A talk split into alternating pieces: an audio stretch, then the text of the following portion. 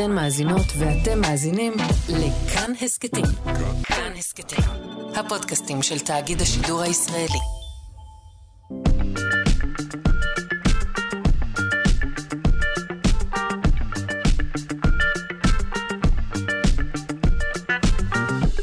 שלושה שיודעים. שלום, בוקר טוב לכם. מאזיני שלושה שיודעים, כאן בכאן תרבות 104.9 או 105.3 FM. מטבע הדברים אה, נעסוק הבוקר אה, גם ברעידות האדמה אה, בטורקיה ובסוריה, זה יקרה ממש בקרוב. בהמשך התוכנית נשאל כמה שוקלים כל פורקי הרגליים. אה, נעבור גם אה, שיעור קצר בחניתה. ונשוחח גם על חורים שחורים מנצנצים. אה, כל זה יקרה בהמשך. עורכת אותנו אלכס לויקר, על ההפקה איתי אשת, הטכנאי, הוא מיכאל אולשוונג. אה, אני שרון קנטור. אני מזכירה לכם שאם אתם לא יכולים להאזין, אתם מוזמנים לשידור החוזר שלנו בשעה שמונה בערב, או לבדוק אותנו בצורה של הסכת ביישומון של כאן, או בכל יישומון אחר.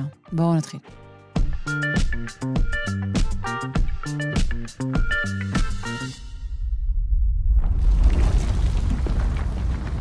אל תיבהלו, זה רק ברדיו. אה, למעלה מ-4,000 אנשים ועוד רבבות נעדרים בטורקיה ובסוריה בעקבות רעש האדמה אה, בלילה שבין ראשון לשני, והבוקר התבשרנו שהיה עוד רעש אחד, אמנם פחות בעוצמתו. כדרכנו כאן, בשלושה שיודעים, אנחנו ננסה להבין. נפנה לפרופסור שמוליק מרקו מהחוג לגיאופיזיקה באוניברסיטת תל אביב. בוקר טוב. בוקר טוב לך ולמאזינים. אמ, בוא נדבר על המזרח התיכון ורעידות אדמה. אמ, האזור הזה משופע ברעידות. אמ, נכון. מדוע בעצם? כדור הארץ אה, עטוף בשכבה קרה, סלעית, אה, שמתחתיה החומר זורם, ולכן השכבה החיצונית הזאת נשברת, היא מחולקת למה שאנחנו קוראים לוחות, אה, לוחות טקטוניים, והתנועה שלהם גורמת לחיכוך ביניהם, לפעמים הם מתנגשים ביניהם, לפעמים הם מתרחקים אחד מהשני, ולפעמים הם מחליקים אחד במקביל לשני, והתנועה הזאת בגבולות שבין הלוחות גורמת לרעידות אדמה. בדרך כלל לוקח זמן עד שמצטבר מאמץ, ואז הוא משתחרר ברגע. הזמן הזה שלוקח זה בערך יכול להיות עשרות שנים במקרה אה, קיצוני, לרוב זה מאות שנים, לפעמים אלפי שנים, והשחרור הוא בתוך שניות או דקות. אני רוצה להרחיב קצת על הלוחות הטקטוניים, זה דבר שאנחנו אומרים אותו, אה, אתה יודע, כמעט כלאחר יד, אבל זו, זו תיאוריה בעצם, נכון? זו תיאוריה שעלתה אה, כבר אה, אני חושב, ב-1620 על ידי פרנסיס בייקון, שראה mm. את ה... אה, מיד אחרי שהספרדים כבשו או שחררו את דרום אמריקה מעול הכובש האינדיאני, אז אה, הם שמו לב שהתחילו אה, למפות את החופים, והוא שם לב שיש דמיון בין החופים של אמריקה לחופים של אפריקה ואירופה. הוא אמר, הנה, אולי זה היה פעם יבשת אחת שנקראה. אה, ומאז זה עבר הרבה גלגולים, והיום זו כבר עובדה שמוכחת, אה, וזה כבר לא תיאוריה, אלא אה, תיאור של איך כדור הארץ עובד. זה עבר המון בחינות והמון... יש לנו הרבה אפשרויות לראות את התנועה של הלוחות. למשל, בעזרת מערכת ה-GPS, אנחנו יכולים לעקוב ממש בסדרי גודל של שנה אחרי שנה, לראות את הלוחות זזים. ככה שזאת כבר לא תיאוריה, זה כן. עובדה.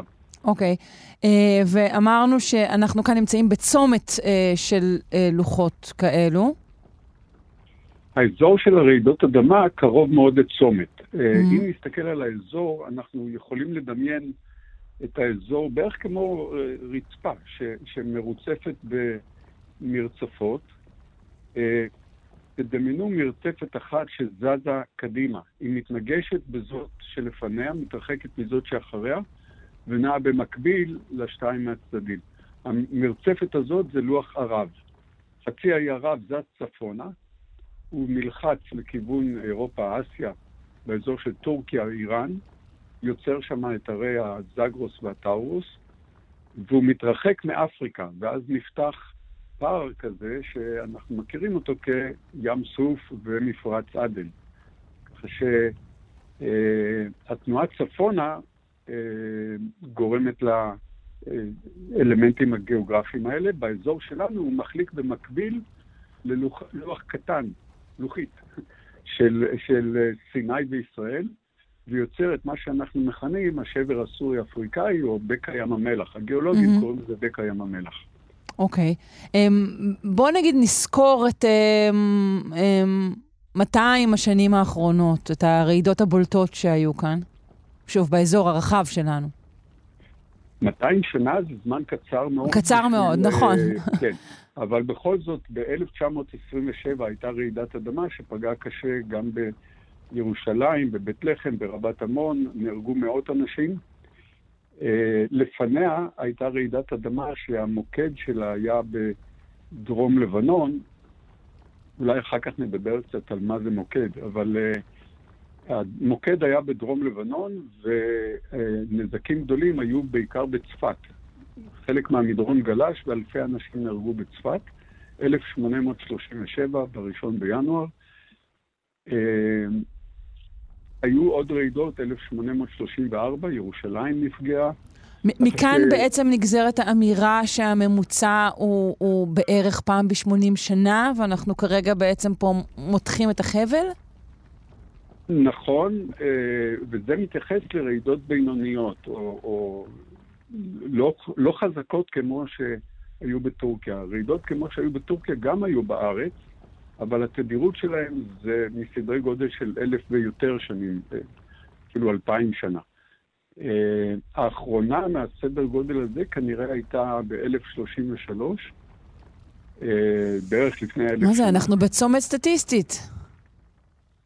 אה, בהחלט כן, בהחלט כן. לשמחתנו, ככל שהרעידות חזקות יותר, הן נדירות יותר. הרעידות החלשות מאוד, כאלה שאנחנו אפילו לא מרגישים, מאוד מאוד נפוצות. כן. יש כמעט כל הזמן. אה, רעידות חזקות, לשמחתנו, הן נדירות. אז, אה, אבל סטטיסטית, בהחלט רעידה מסדר גודל של 6 בסולם ריכטר, אנחנו כבר, כבר הגיע, הגיע זמנה. אבל היא יכולה לבוא גם עוד 50 או 100 שנה. תודה. צריך לזכור שזה ממוצע. כן. Um, דיברנו, הזכרת באמת מוקד, הרי, הרי גם אצלנו הרגישו את, ה, את העוצמה, חלק מהאנשים, נכון. חלק כמובן לא הרגישו, אה, את הרעידה שהייתה. אז באמת, מה, מה זה אומר המוקד? רעידת אדמה זה קרע בקרום כדור הארץ. Mm-hmm. צריך לדמיין את כדור הארץ, את האזור כאיזה משטח שנלחץ, כאילו שיש מלחציים. נניח שאנחנו שמים את האזור במלחציים וסוגרים אותם לאט לאט. אז בהתחלה יש לו קצת גמישות, אלסטיות אנחנו קוראים לזה, uh, אבל בסופו של דבר הוא נשבר. והשבירה הזאת מתחילה בנקודה מסוימת ומתפשטת uh, עד שנוצר קרע. לנקודה של התחלת הקריאה אנחנו קוראים המוקד. ואם נסתכל על המשטח הזה, אז לקרע יש אורך מסוים, יש לו עומק כעומק השכבה הסלעית הזאת, הקרום של כדור הארץ, וככל שהרעידה חזקה יותר, הקרע ארוך יותר, רעידה חלשה יותר, הקרע קצר יותר. והמוקד הוא בהכרח המקום שבו הרעידה תורגש בעוצמה החזקה ביותר? אזור, נכון, אזור המוקד, בדרך כלל זה האזור עם הוויברציות החזקות ביותר, אבל על זה יש איזו מודולציה שאנחנו קוראים לה תנאים אה, מקומיים.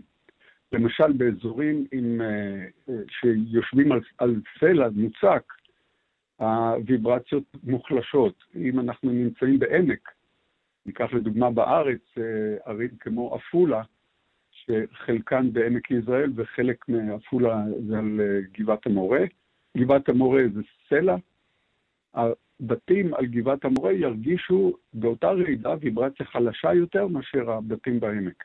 אותו דבר קריית שמונה. אתה משנה כרגע הסלע, את כל ערך הנדל"ן בישראל במשפטים אלו, כן?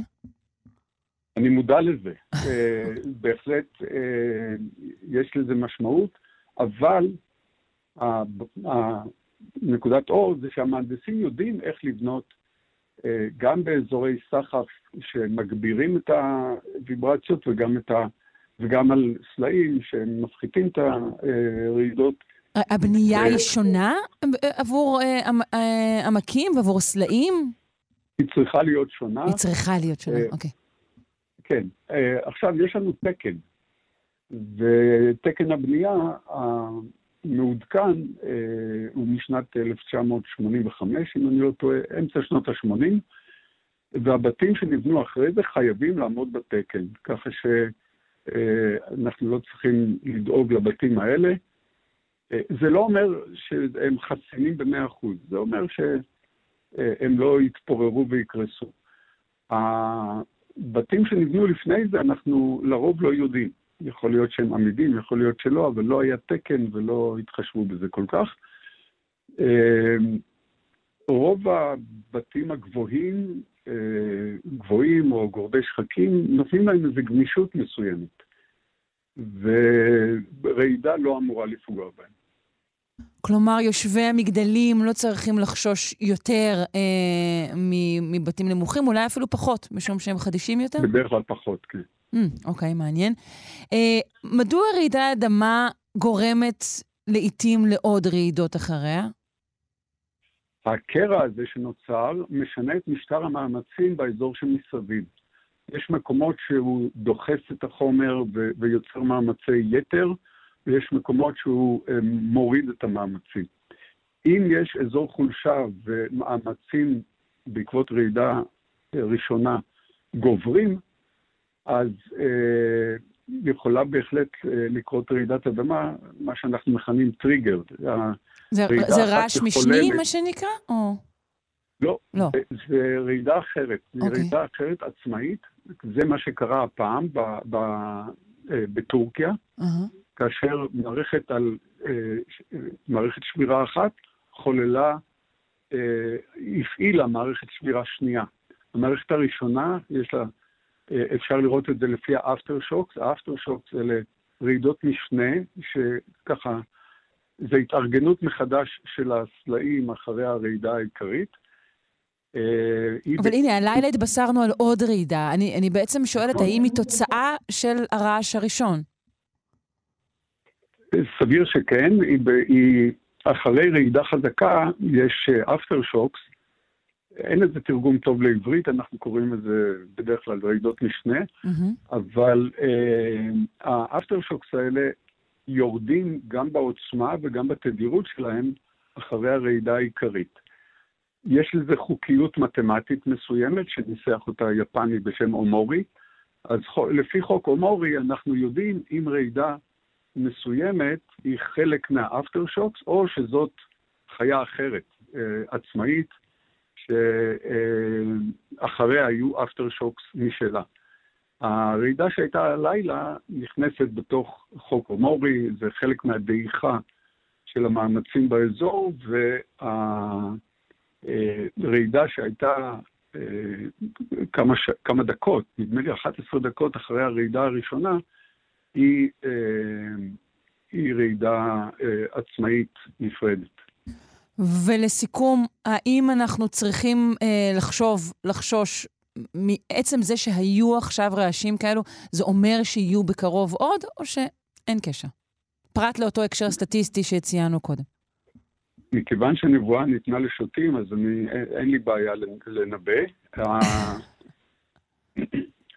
לפני שנתיים-שלוש היה מקבץ של רעידות אדמה במקום שנמצא קצת יותר אה, לכיוון צפון-מזרח מהרעידות של עכשיו, ליד עיירה שנקראת אל-עזיג'. אה, להעתק כולו, לקו השבירה הזה, אה, קוראים העתק של מזרח אנטוליה. ואם אנחנו נסתכל על הרעידות שהיו בשלוש השנים האחרונות, אז אנחנו נראה שני מקבצים עם פער ביניהם. להערכתי, הפער הזה ייסגר על ידי רעידות בעתיד, אולי הקרוב, אולי הרחוק יותר, אבל בדרך כלל פערים כאלה, כלומר, אם יש אזור שבירה, ואז חלק אחד פועל וחלק אחר פועל, אבל נשאר רווח ביניהם, הרווח הזה נסגר. אז להערכתי, אה, וזו דעה אה, עצמאית שלי, אני לא, אה, לא יודע אם כולם חושבים ככה, אבל להערכתי, בין הרעידות של עכשיו לבין העיירה אל-עזיג' צפויות רעידות אדמה חזקות בעתיד הקרוב. פרופסור שמוליק מרקו, מהחוג לגיאופיזיקה באוניברסיטת תל אביב, אני מודה לך מאוד על השיחה הזו. תודה לך. יום טוב.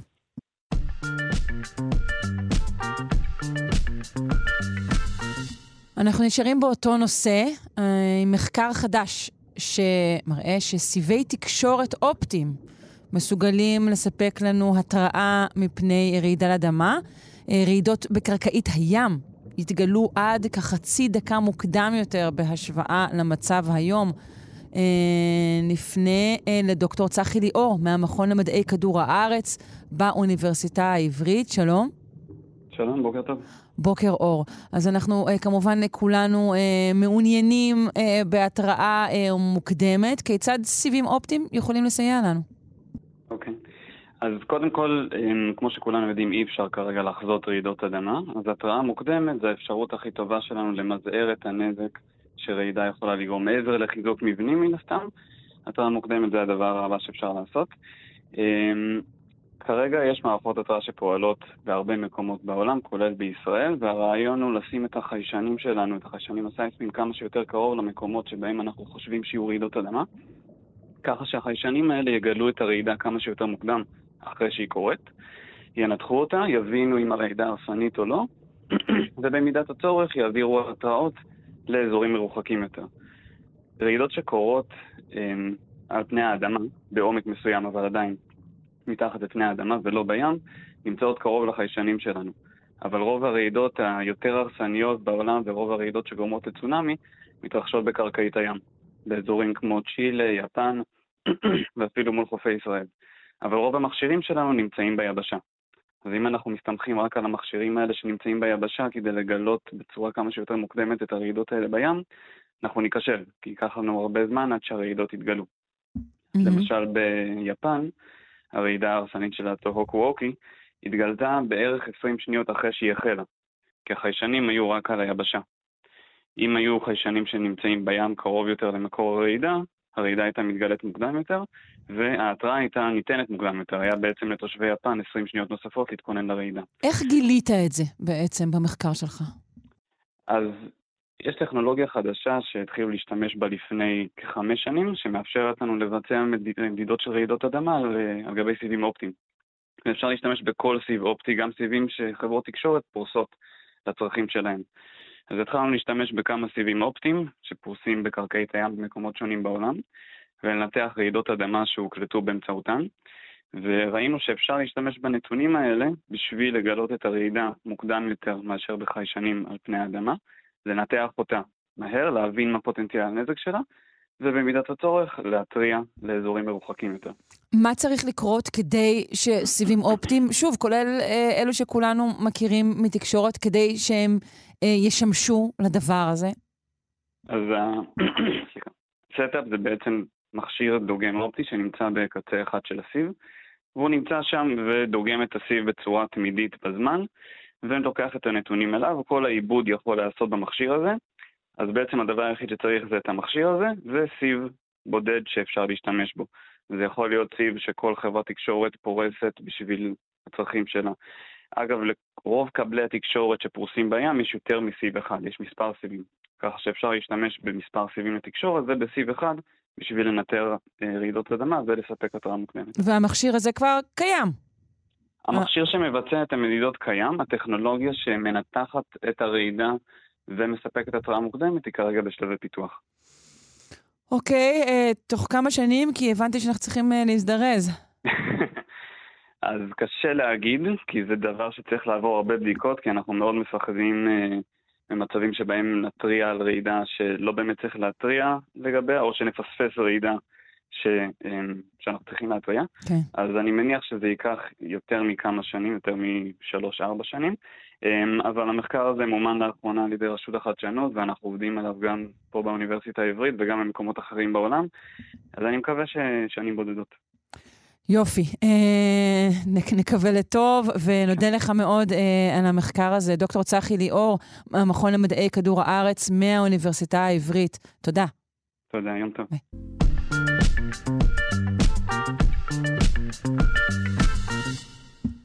אנחנו לא רוצים uh, להישאר מאחור uh, בתחום החניתה.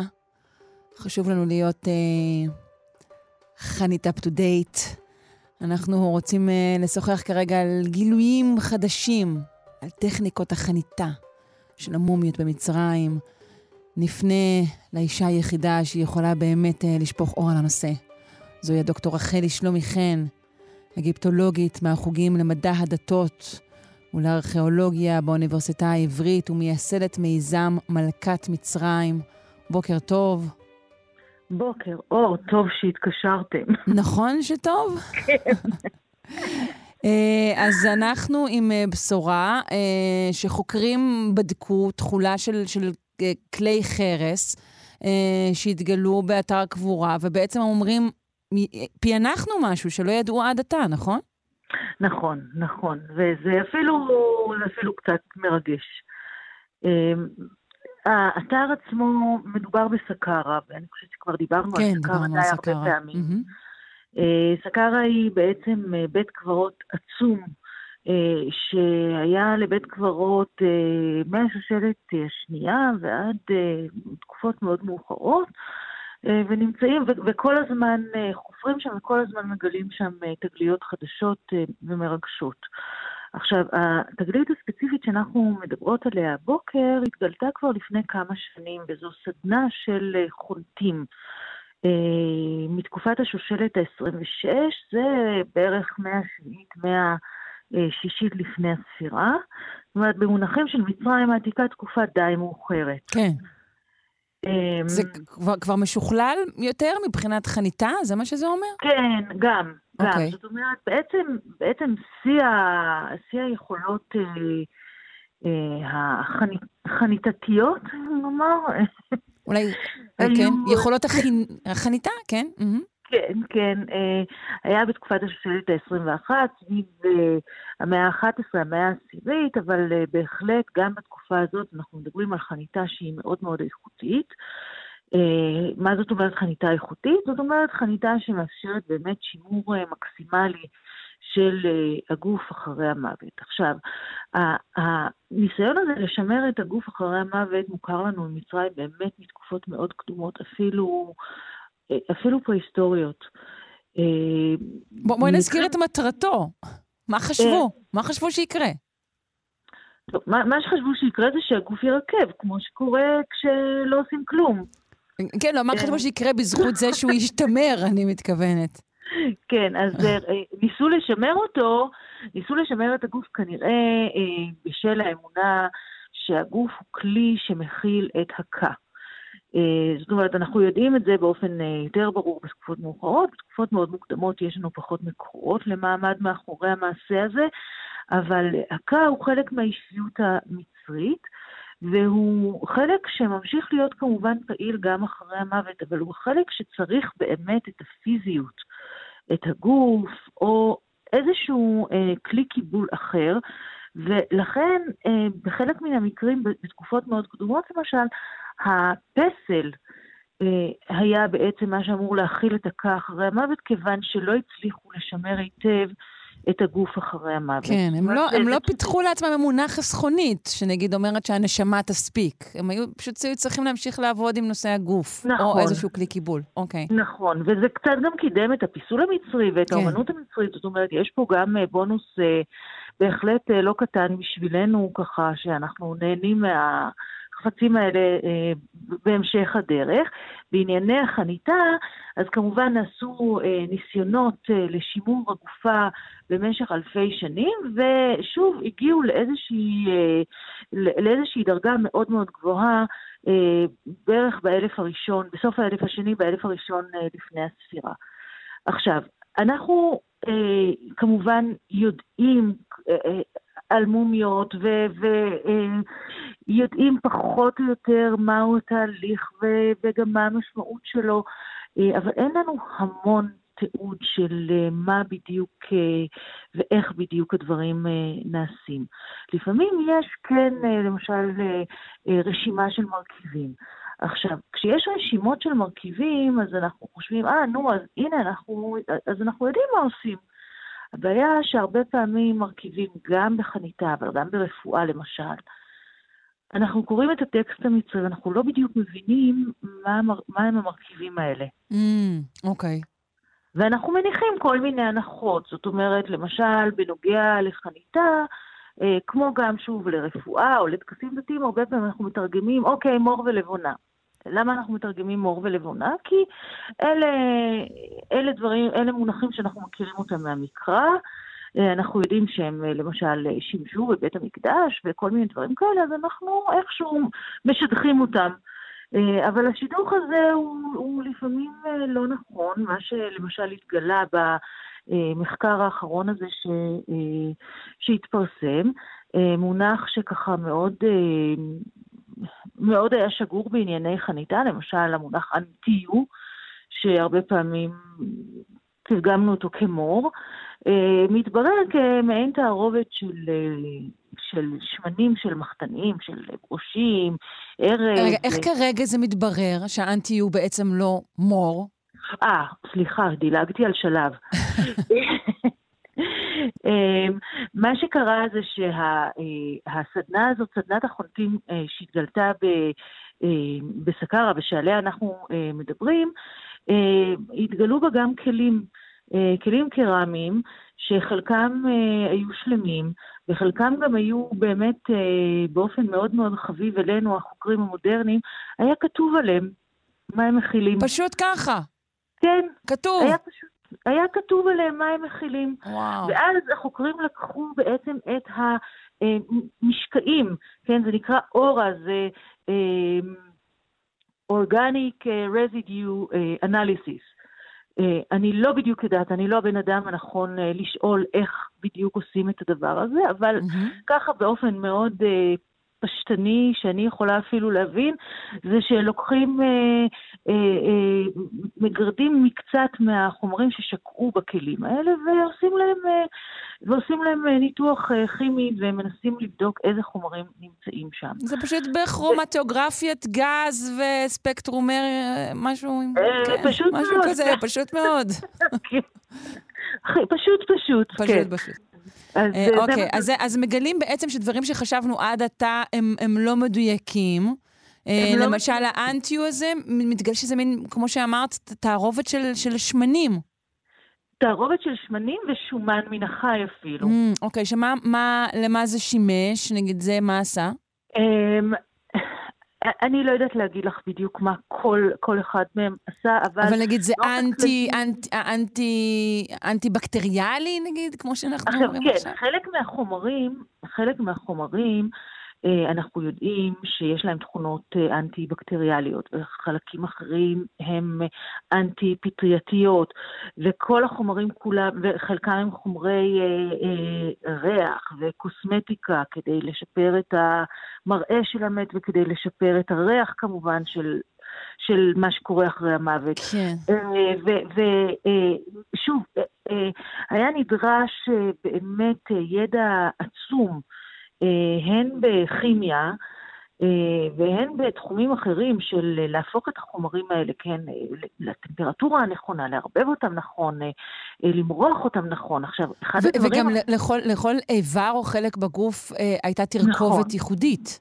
נכון. על, על חלק מה, מאותם כלים, לא רק שכתוב מה זה, שאנחנו יכולים עכשיו לזהות ולהגיד, הנה, אנטיו זה, זה לא מה שחשבנו זה זה, אלא לא, יש הוראות שאומרות אה, זה לתכריכים, זה לראש, אה, זה לכבד, כן? איך נעשה אה, הניסוי והטעייה בתחום הזה? כאילו, על חיות קודם כל, קטנות, שנרקבות מהר? מה, את מדברת על... על, על איך ידעו, נגיד, שהשמן ארז יותר טוב לאזור ה... לא יודעת מה, אזור הכבד, זה טוב לאור, איך, איך ידעו?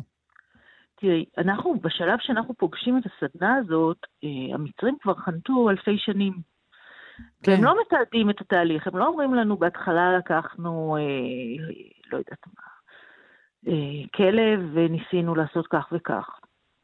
זה פשוט אה, אלפי שנים של ניסוי וטעייה, אה, שאנחנו יודעים שבהתחלה, בתחילת התהליך הזה, השתמשו בעיקר בשרף, למשל. שרף שאחר כך שוב מצא את דרכו גם שרף של מחתניים, ובאותה mm-hmm. סדנה למשל נמצא אפילו שרף של פיסטוק.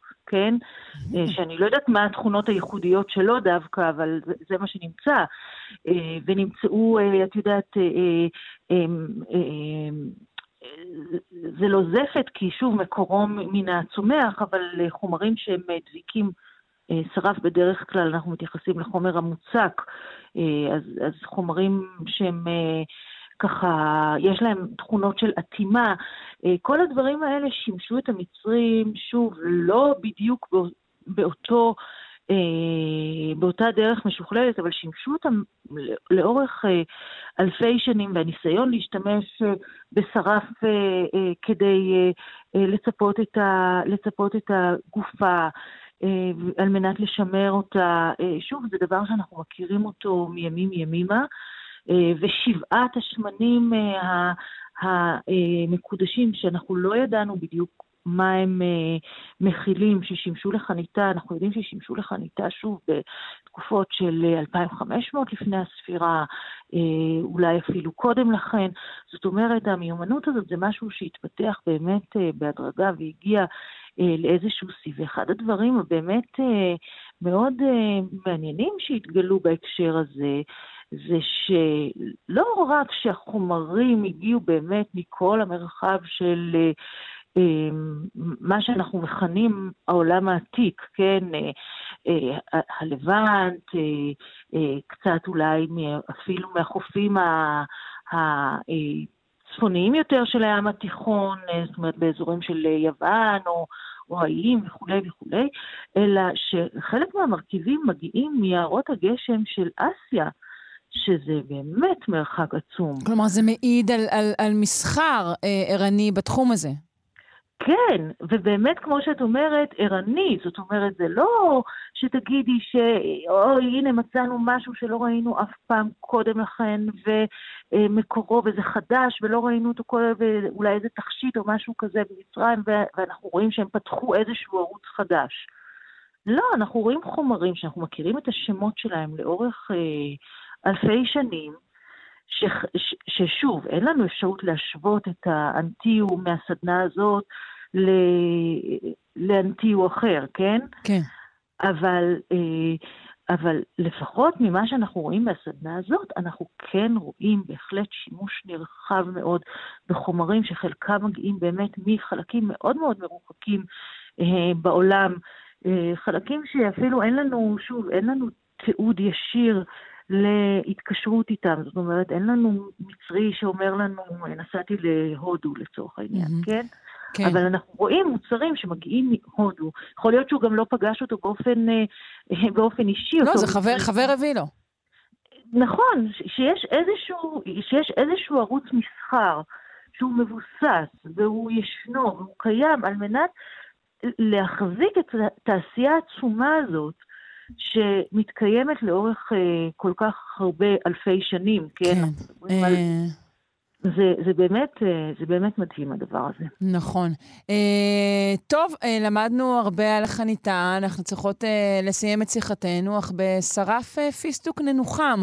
דוקטור רחלי שלומי חן, אגיפטולוגית מהחוגים למדע הדתות ולארכיאולוגיה באוניברסיטה העברית ומייסדת מיזם מלכת מצרים. תודה רבה לך על עוד שיחה מאלפת. להתראות. תודה, בוקר טוב, טוב. ביי.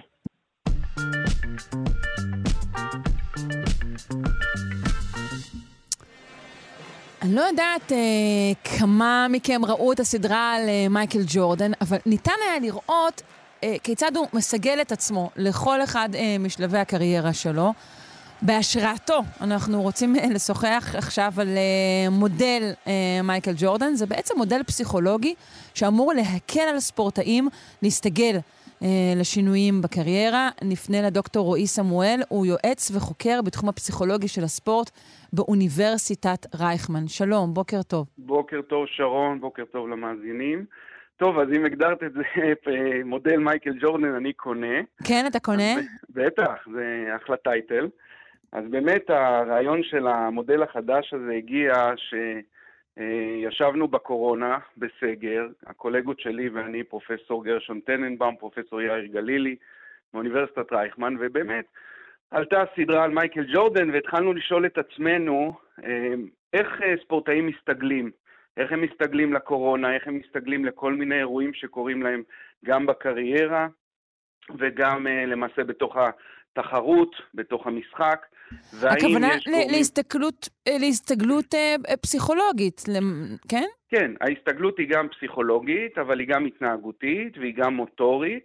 למשל, היא יכולה כמובן להתבטא בהיבטים קוגניטיביים כגון ריכוז, קבלת החלטות, היבטים אמוציונליים, ויסות רגשות, ויסות זהו, uh, אני תוהה, הרי כולנו עברנו גם, כל מיני דברים. אבל גם בהתנהגות עצמה. כולנו עברנו כל מיני דברים. עד כמה ספורטאי מקצועי אה, שונה אה, ממני הבטטה המצויה, אה, נקרא לזה? אוקיי, אז הוא שונה לפחות בשני היבטים, או היא שונה. תמיד אנחנו נזכיר גם את הספורטאית, שבעצם אה, הם שונים במובן הזה שיש להם אה, הרגלים מאוד מאוד מבוססים במערכת הקוגניטיבית, האמוציונלית והמוטורית.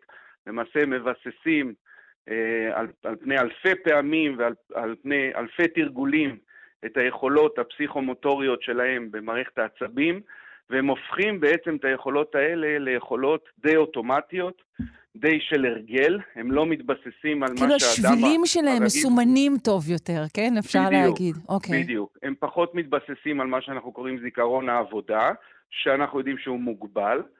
אנחנו יודעים היום שאנחנו בטלפון מהר מאוד מאבדים את הקשב. אצל ספורטאים אנחנו יודעים שיש מה שנקרא זיכרון עבודה לטווח ארוך. הם מתבססים על סכמות, הם מתבססים על הרגלים, ובמובן הזה הם הרבה יותר מאומנים מהאדם הרגיל. והנקודה השנייה זה שספורט זה דבר דינמי, הרבה יותר מהחיים הממוצעים שלנו, ובעצם ההסתגלות חייבת להיות מאוד מהירה, מאוד יעילה, על מנת שבאמת הספורטאי יוכל להצליח בתחרות או במשחק. אוקיי, אז uh, בעצם מה הם הדברים, אמרת כאילו באמת אה, קורונה, שאני מניחה שהמשמעות הייתה אה, פחות אימונים, פחות תחרויות, נכון, אבל נכון. אילו עוד צמתי הסתגלות מרכזיים יש לספורטאים? זהו, אז בעצם מה שניסינו לעשות עם המודל החדש, מודל האדפטציה, שממש התפרסם לפני מספר ימים ב-International Journal of Sport and Exercise Psychology. ברכות. תודה, באמת זה, זה כבוד, כי...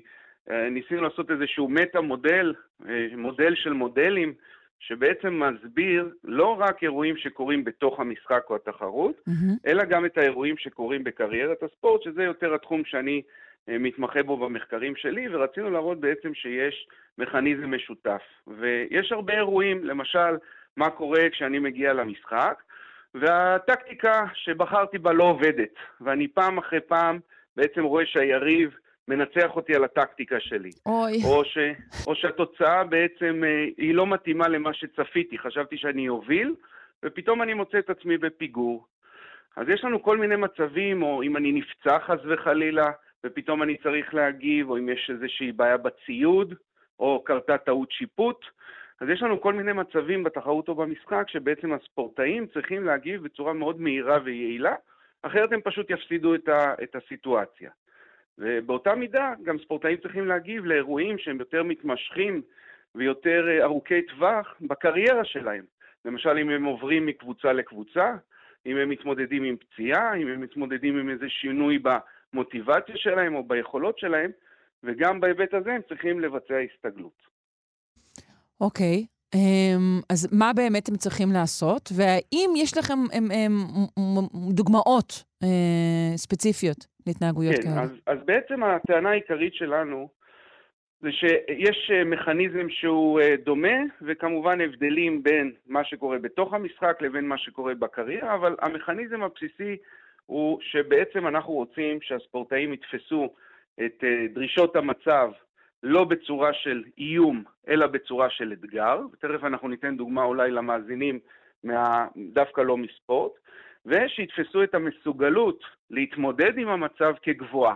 אני רוצה שכל אחד יחשוב מה קורה כשהוא מגיע למשל לראיון עבודה, או לאיזה אירוע שהוא אירוע עם אה, חוסר ודאות, למשל דייט, והרבה פעמים אנחנו מסתכלים על הסיטואציה בתור סיטואציה מאוד מאיימת. ואז התגובות שלנו הן פחות תגובות מעיזות, פחות תגובות אה, אה, אה, אוטומטיות, אנחנו יותר חושבים, ולפעמים החשיבה הזאת היא דווקא לא טובה.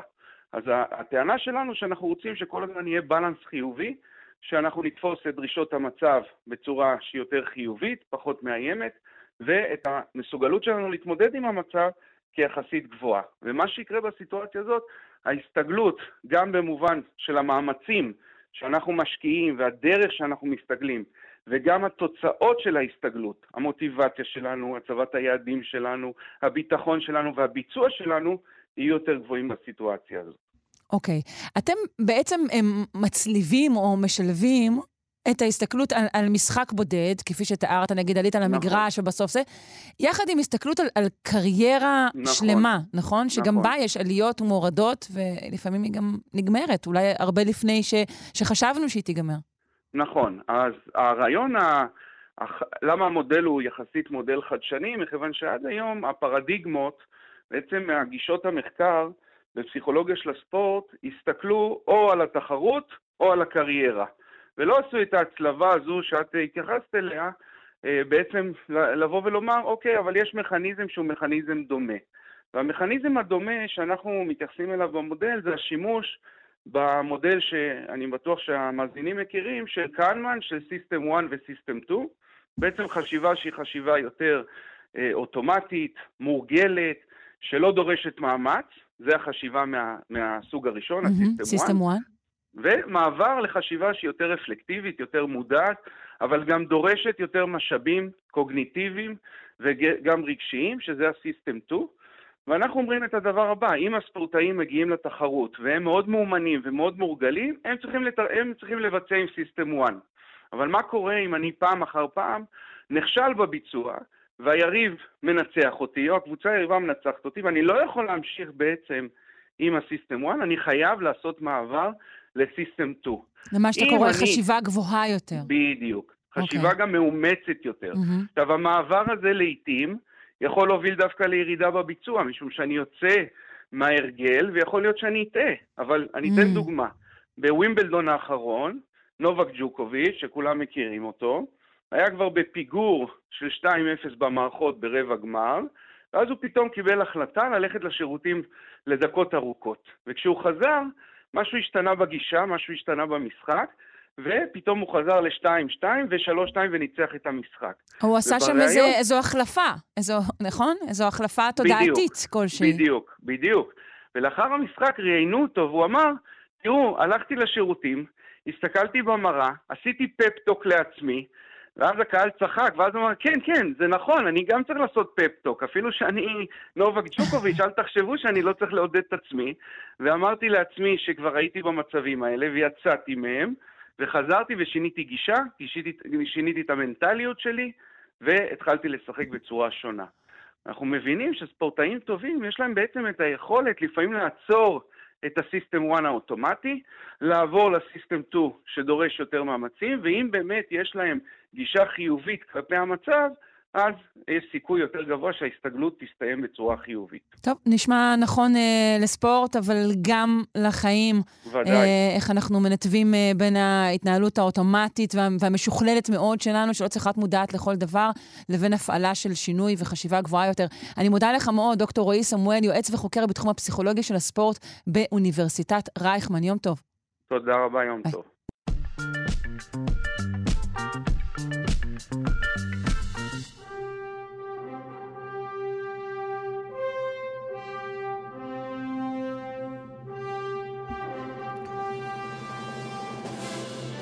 זוהי כמובן פינת גיבורי העל. היום אנחנו עם אורי פינק, איש הקומיקס של ישראל ויושב ראש איגוד הקריקטוריסטים הישראלי. אה, שלום, שלום. מה העניינים? בסדר גמור. ראינו אותך בעיתון, ראינו. אה, כן, אה, כן. מאוד יפה. אבל אנחנו... אמא שלך הייתה מרוצה? כן, אמא שלי מרוצה מאוד. עיתון הארץ זה העיתון שאתה יודע, גדלתי עליו, זה ככה... אה, בטוח שאימא שלי עכשיו משוויצה לי כל החברים שלה שם בשמיים. היא גזרה, היא גזרה כן. והיא מראה. אה, אנחנו רוצים אה, לדבר על סדרה, לא הראשונה, שמבוססת על, על, על משחק, בטח לא, לא על משחק פלייסטיישן, אבל אולי אחת הטובות שהיו בז'אנר הזה, נכון? כן, זהו, אני, אני לפעמים ככה אוהב לצפות בסדרות משחקי מחשב כדי לתת לעצמי את ההרגשה, כמו שמישהו שלא קרא קומיקס בחיים שלו, רואה סרט של מארוול, כן? אז אני גם כן בא, כי אני לא מבין כלום. אני, אני, אני לא, בכלל, בכלל לא, לא מבין את הרעיון הזה, מה זה סרט שמבוסס על משחק, זה תמיד נראה לי כזה מוזר. וכאילו, מה, מה זה משחק, זה כאילו, מה, סרט שמבוסס על משחק כדורגל? לא יודע, נראה לי, נראה לי משונה. טוב, בקיצור, אה, אבל אה, היה שם את אחד הדברים האהובים עליי, שזה זומבים, כן, זומבים. אה, אתה לא אוהב זומבים. תשמעי, זומבים ניצחו, בסופו של דבר, את יודעת שעד עד לא מזמן הייתה רוטציה כזאת. רוטציה. כל פעם שהיה, יש כזה, כל פעם שהיה שלטון רפובליקני בארצות הברית, אה, אז היו אה, סרטים על, אה, על נו, ערפדים, וכל פעם שהיו, הפוך, כן? וכל פעם שהיה שלטון דמוקרטי, אז היה, לא, הפוך, דמוקרטי זה היה ערפדים, ורפובליקני היה זומבים. ועכשיו יש דמוקרטים, אבל עדיין נשארו הזומבים. הזומבים לא וואו. רוצים ללכת. רגע, זה, לא זה ללכת. משהו שהוא, שהוא, שהוא, שהוא מוכח, שהוא סקור? אם כן, אני אבדוק אני. אראה שזה נכון? כן, בדיוק, ברור, זה היה עד וואו. לא מזמן, עד לא מזמן, עד לא מזמן. עכשיו, הערפדים הם הלכו. זה. out. היום, אני אגיד לך למה זה. זה בגלל ה- בגלל שהרבה יותר כיף להרוג זומבים. תשמעי, זומבים, אתה הורג אותם, אין להם ראש, אין להם שכל, אין להם כלום, כן, אתה יכול להרוג אותם בכיף. ערפדים, בכל אופן, רק שותים בשביל לחיות וזה, ויש שם רגשות. וככה, זהו, זהו, רוצה להגיד. שאתה מציג את זה בצורה חיובית, אבל בפועל אה, זה זה שזומבים אה, ניצחו את הערפדים זה איזשהו ניצחון של אה, מוות עמוק על פני משהו שהוא הרבה יותר אה, חי. נכון, נכון, משהו הרבה יותר מתוחכם. בסדר, אבל כן. לא נורא, בסדר. אז ניצחון הזומבים.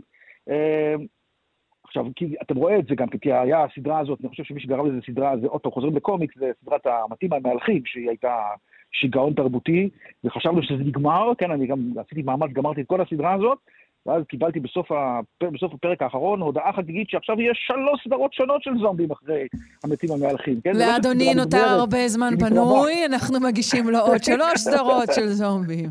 כן, בדיוק, אז, אז אוקיי, אז כמו שאמרת, הסדרה הזאת היא באמת, אה, אני התייחסתי אליה כסדרת זומבים רגילה, וזה האמת שזומבים דווקא די מיוחדים, כי הם כאילו מבוססים על איזה פטריה, כן? זה לא שהם ממש זומבים, הם אנשים שנדבקו פטריה, אוי, פטריות כן. זה כל כך אופנתי, אוקיי. נכון, נכון, כן. וזה האמת, האמת שאשתי שונאת פטריות, עכשיו אני מבין למה, כאילו, זה כל הזמן, אני חשבתי, כנראה יודעת משהו שאנחנו לא יודעים. לא חשוב, בכל אופן, הפטריות האלה הופכים בני אדם לזומבים כאלה, למין יצורים מפחידים. עכשיו, הסדרה הזאת באמת השקיעו בה, מה זה השקיעו בה? לקחו את, ה, את האיש שעשה את צ'רנוביל, הסדרה רק עוד לא אמרנו איך היא. נקראת, אני אה, חושבת. קוראים לה, The Last of Us. The Last of Us, האחרונים מבינינו. מבינינו, כן. האחרונים מבינינו. אוקיי, אז לקחו את היוצר של צ'רנוביל, מי שעשה את הסדרה המשובחת והמעולה צ'רנוביל, ואת היוצר של המשחק עצמו, כן, והם עושים את הסדרה. אה. שפכו עליהם מלא מלא מלא כסף, ככה זה נראה לפחות בפרקים הראשונים. מה זה מפתיעים, כי שלושת הפרקים הראשונים היו פיצוץ, כן, והפרק כן, האחרון בכלל... שחקנים ממשחקי הכס, כן, כן, כן, איך קוראים לו? פדרו כן, פסקל, פדרו פסקל החתיך והמנדלוריון והממש מדהים וכל מיני...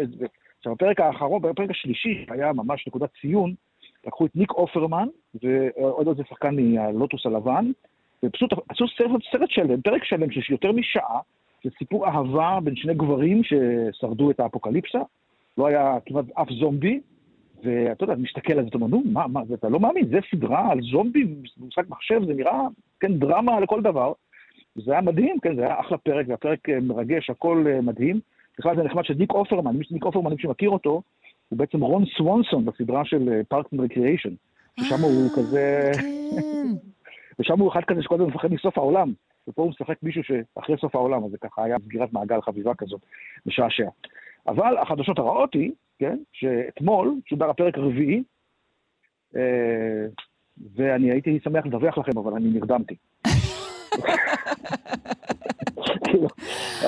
אדם שנרדם זה אף פעם לא חדשות רעות אה, מבחינתי, כן, אה, אה, תמיד זה בשורה טובה. אה, אז לא טוב, אבל. בגדול אתה- ממליץ בינתיים, נכון? האחרונים מבינינו.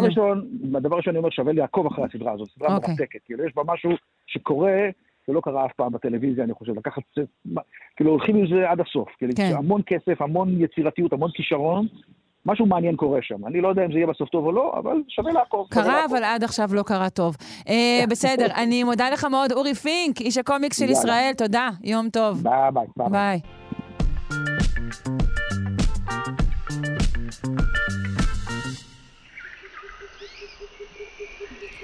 בחישוב ראשון מסוגו נמצא המשקל של כלל החרקים, העכבישים וקרוביהם היבשתיים בעולם. כמה הם שוקלים? ולמה בכלל לדעת את זה? נפנה לדוקטור יובל רוזנברג מהמחלקה למדעי הצמח והסביבה במכון ויצמן, ממובילי המחקר. שלום. שלום, שלום. אז נתחיל אה, בשאלה השנייה שלי. למה לנו לדעת אה, כמה שוקלים כל פרוקי הרגליים? כן, אז האמת שהסיבה שאנחנו עשינו את המחקר הזה זה בעיקר, בעיקר בגלל שתי סיבות.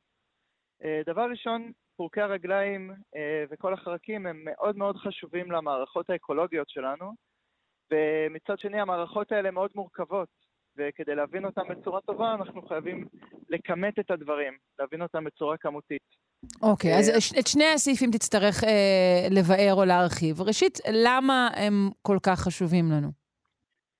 אז בעצם הם עושים כל מיני דברים, גם אה, הם מאוד חשובים למה שנקרא מארג המזון, אז הם אה, אוכלים הרבה מאוד צמחים ובעלי חיים גדולים יותר, כמו ציפורים, זוחלים, אה, דו-חיים, אוכלים אותם, ובעצם אה, הרבה מאוד מבעלי החוליות אה, תלויים בהם לתזונה שלהם.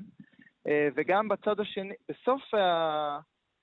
הצד השני של, אה, של שרשרת המזון, בשלב הפירוק, בעצם החרקים ופורקי רגליים הם מאוד מאוד חשובים לפירוק של העצים והמחזור של כל אותם אה, חומרי הזנה שהם אה, מאוד חשובים גם לחקלאות שלנו וגם למערכות האקולוגיות. אז בעצם אפשר להגיד שהם באיזשהו מקום מחזיקים את כל הרשת הזו של מארג המזון, מחבר... עושים את כל החיבורים ומחזיקים אותם מלהתפרק, אה, ובנוסף הם נותנים עוד כל מיני שירותים שלא קשורים למארג המזון, כמו האבקה אה, או הנעה של אה, קרקע ממקום למקום, דברים שהם בעצם יותר מתחום ההנדסה, קוראים לזה הרבה פעמים הנדסת סביבה. אוקיי, אז הם נותנים לנו מה שנקרא שירות top to bottom. אפשר לומר. אוקיי. עכשיו אמרת שהחשיבה הכמותית כאן היא, היא קריטית, היא חשובה לנו, וגם זה לא ברור. נכון. אז בעצם, אם אנחנו רוצים לדעת, אה, אז אנחנו, עוד נושא אחד ששכחתי להגיד קודם, זה שאנחנו מאוד מודאגים לגבם גם. בעצם אנחנו, המצב שלהם, האוכלוסיות שלהם, כמו אוכלוסיות של בעלי חיים נוספים, אה, מצטמצמות, ואנחנו רוצים לדעת גם מה יהיה המשמעות של זה עבורנו. כשאתה אומר אה, אוכלוסיות, אתה מתכוון אה, למינים או לכמות? אה, או גם וגם, אבל mm. אני מתכוון mm-hmm. כרגע לכמות. אוקיי, אוקיי. כן, אז אם למשל אנחנו, אנחנו רואים שיש אה, דעיכה בכמות הפרפרים במקום מסוים, אנחנו רוצים לדעת מה יהיה המשמעות של זה, למשל מבחינת הציפורים, או מבחינת בעלי חיים אחרים, או מבחינת אקולוגית כללית יותר. אה, זה שאלות שמאוד קשה לענות עליהן, אה, ואנחנו חושבים שאחת הדרכים להתקדם אה, להבנה טובה יותר זה בצורה של חשיבה כמותית. אה, עכשיו, צריך לזכור שבעצם רוב בעלי החיים בכדור הארץ הם חרקים, מעל מיליון מינים, וקשה מאוד ליצור איזושהי הבנה רחבה על כללית רק ממבט על מינים בודדים. אנחנו צריכים לעשות גם מחקרים שהם יותר כלליים. אז אה, כן. המחקר שלנו זה אחד מהמחקרים האלה. מחקר על שכזה. עכשיו בוא תספר איך, איך יודעים אה, את המשקל של, של כל החרקים ופורקי הרגליים? איך זה נעשה? כן. אז בעצם בשלב הראשון אנחנו אספנו את כל הנתונים שיכלנו למצוא ממאמרים מדעיים החל משנות ה-60 ועד היום, אה, אבל לקחנו רק מאמרים שמה שהם עשו, הם מדדו את הצפיפות של האוכלוסייה באופן מקומי. זה אומר למשל שהם אה, חופרים בקרקע ומוציאים איזשהו קרקע בשטח מסוים, נאמר מטר על מטר, ומשם הם, הם עד לעומק מסוים, ומשם הם מוציאים את כל פרוקי הרגליים שהם יכולים אה, למצוא בכל מיני טכניקות, אה, או מעל הקרקע, לפעמים זה דברים מאוד מורכבים. אה, למשל, הולכים למקום שכורתים בו יער, ואז כל עץ שנופל, פושטים ממנו את כל העלים ומסתכלים בקפידה כל מה שיש שם, מחפשים סימנים לקנים של נמלים בקור. אה, זה מבצעים הרבה פעמים די הירואיים, אה, סנפלינג על אה, עץ בגובה של 40 מטר, דברים כאלו, ולכן הכמות של המידע היא די מוגבלת. אז היה לנו חשוב להגיע באמת לכל מידע שיכלנו למצוא, ואחר כך אנחנו פשוט לקחנו את כל המידע הזה, ובעזרת כלים של מדע הנתונים, של data science, אנחנו חישבנו עבור האזורים השונים בעולם, עבור יערות הגשם. זהו, שכל אזור מן הסתם יש לו איכויות אחרות. ביערות הגשם יש לנו הרבה יותר אה, אה, חרקים, נכון? נכון. זה גם חלק ממה שאנחנו רואים. אנחנו רואים באמת איך באזורים שונים יש לנו כמויות שונות, אה, צפיפויות שונות. אה, אנחנו רואים גם את השפעת האדם, שאזור שהוא עבר אה, להיות שטח חקלאי או שטח מרעה, אז יש בו צפיפות נמוכה יותר. אמ, אוקיי, okay, בוא נגיע לתוצאות. אה, אז מהי המסה הכוללת של כל פרוקי הרגליים? אז המסה הכוללת של כל פרוקי הרגליים היבשתיים היא בערך מיליארד טון, אה, שמצד אחד זה נשמע הרבה מאוד, זה באמת די הרבה, כן. אה, הרבה יותר מכל יונקי הבר היבשתיים למשל. אה. רגע, רגע, כאילו יותר מאשר כל בני האדם, כל החיות, כאילו כל אה. חיות המשק? כן, אז, אז יותר מיונקי הבר, אבל לא יותר, זה פחות או יותר אותו דבר כמו אה, בני האדם וחיות mm. המשק. אוקיי, אוקיי. כן. אה... אבל יותר מיונקי הבר. נכון. ופחות מדברים אחרים, למשל כמו כמות בעלי החיים שיש בים, או כמות כן. כל החיידקים שיש לנו בקרקעות. ויש לך איך להשוות, להגיד לפני כך וכך זמן, יונקי הבר אה, אה, המסה שלהם הייתה גבוהה יותר, נגיד? אז ביונקים יש לנו עדויות כאלו. אה, בחרקים ופרוקי רגליים זה קצת יותר מסובך להגיד. יש הרבה מחקרים שבדיוק חוקרים את הנושא הזה. הם מוצאים מצד אחד מגמות מאוד מדאיגות בהרבה מקומות, מצד שני באזורים הכי שמורים בעולם אנחנו רואים אה, נתונים אה, לכאן ולכאן, אז אה, יש סיבה לאופטימיות, יכול להיות ששם הם מצליחים לשמור את האוכלוסיות יותר טוב. אה, ובעצם המאמר שלנו נותן איזשהו baseline, אה, איזשהו בסיס שבעתיד נוכל אה, להבין יותר טוב את המגמות העולמיות של הדברים האלו. אה, וגם אנחנו מסתכלים על חלוקה לפי קבוצות של אה, מינים ולפי בתי גידול שונים. זהו, מה, מה באמת המאזן בין אלו שחיים מתחת לקרקע לבין אלו שחיים מעל הקרקע? כן, אחד הדברים שאותי לפחות הפתיעו, זה שמתחת לקרקע כנראה יש הרבה יותר, מבחינת המסה, הרבה יותר uh, פרוקי רגליים מאשר מעל הקרקע, שהקבוצה הכי משמעותית שם זה הטרמיטים. שהטרמיטים הם בעיקר באזורים אה, טרופיים, אבל לא רק, אה, והם מאוד חשובים, למשל לפירוק של אה, עצים, למחזור הפחמן, להתחממות הגלובלית, ולמשל אחת העבודות החשובות בהערכה של הביומאסה שלהם, זה שרצו להבין כמה גז מתאן, שזה גז חממה חזק, כמה מתאן הם פולטים. היו בהתחלה מחשבות שאולי הם פולטים כמויות אסטרונומיות, בסוף התברר שזה בערך 4% מהפליטות ש... שרואים בעולם. שזה לא מעט, אבל זה לא מה שחשבו בהתחלה. ואת mm-hmm. זה יכלו לעשות רק בגלל, בזכות זה שהשתמשו במסה שלהם, אה, ובעוד מידע נוסף כמובן, כן. על כמה גז כל אחד פולט. אה, אמולי, אה, דוקטור רוזנברג, לסיום, האם היית אומר שעצם הכימות, עצם האקט הזה שעשיתם, יש לו משמעות בתפיסה שלנו, אמ, של הסופיות, אה, נגיד, אה, של, של אלמנטים מסוימים כאן בפלנטה שלנו. לגמרי, כן. אני חושב שאנשים שומעים לפעמים מספרים כמו שיש, אה, למשל, במאמר שלנו, 10 בחזקת 19, 1 ואז 19 אפסים של פרוקי רגליים, זה מספר שהוא... לרוב האנשים זה נשמע פשוט קירוב טוב לאינסוף. חושבים שלא משנה מה אנחנו נעשה, לא צריך לדאוג לגבי האוכלוסייה הזו, אבל בעצם אנחנו מראים ש, שזה לא ככה. בעצם אפשר לראות את זה אחרת, ששני מינים בלבד, רק בני האדם והפרות, שוקלים פחות או יותר כמו מרבית השאר המינים שיש בכדור הארץ של בעלי החיים, כן. שזה כל החרקים ופורקי הרגליים.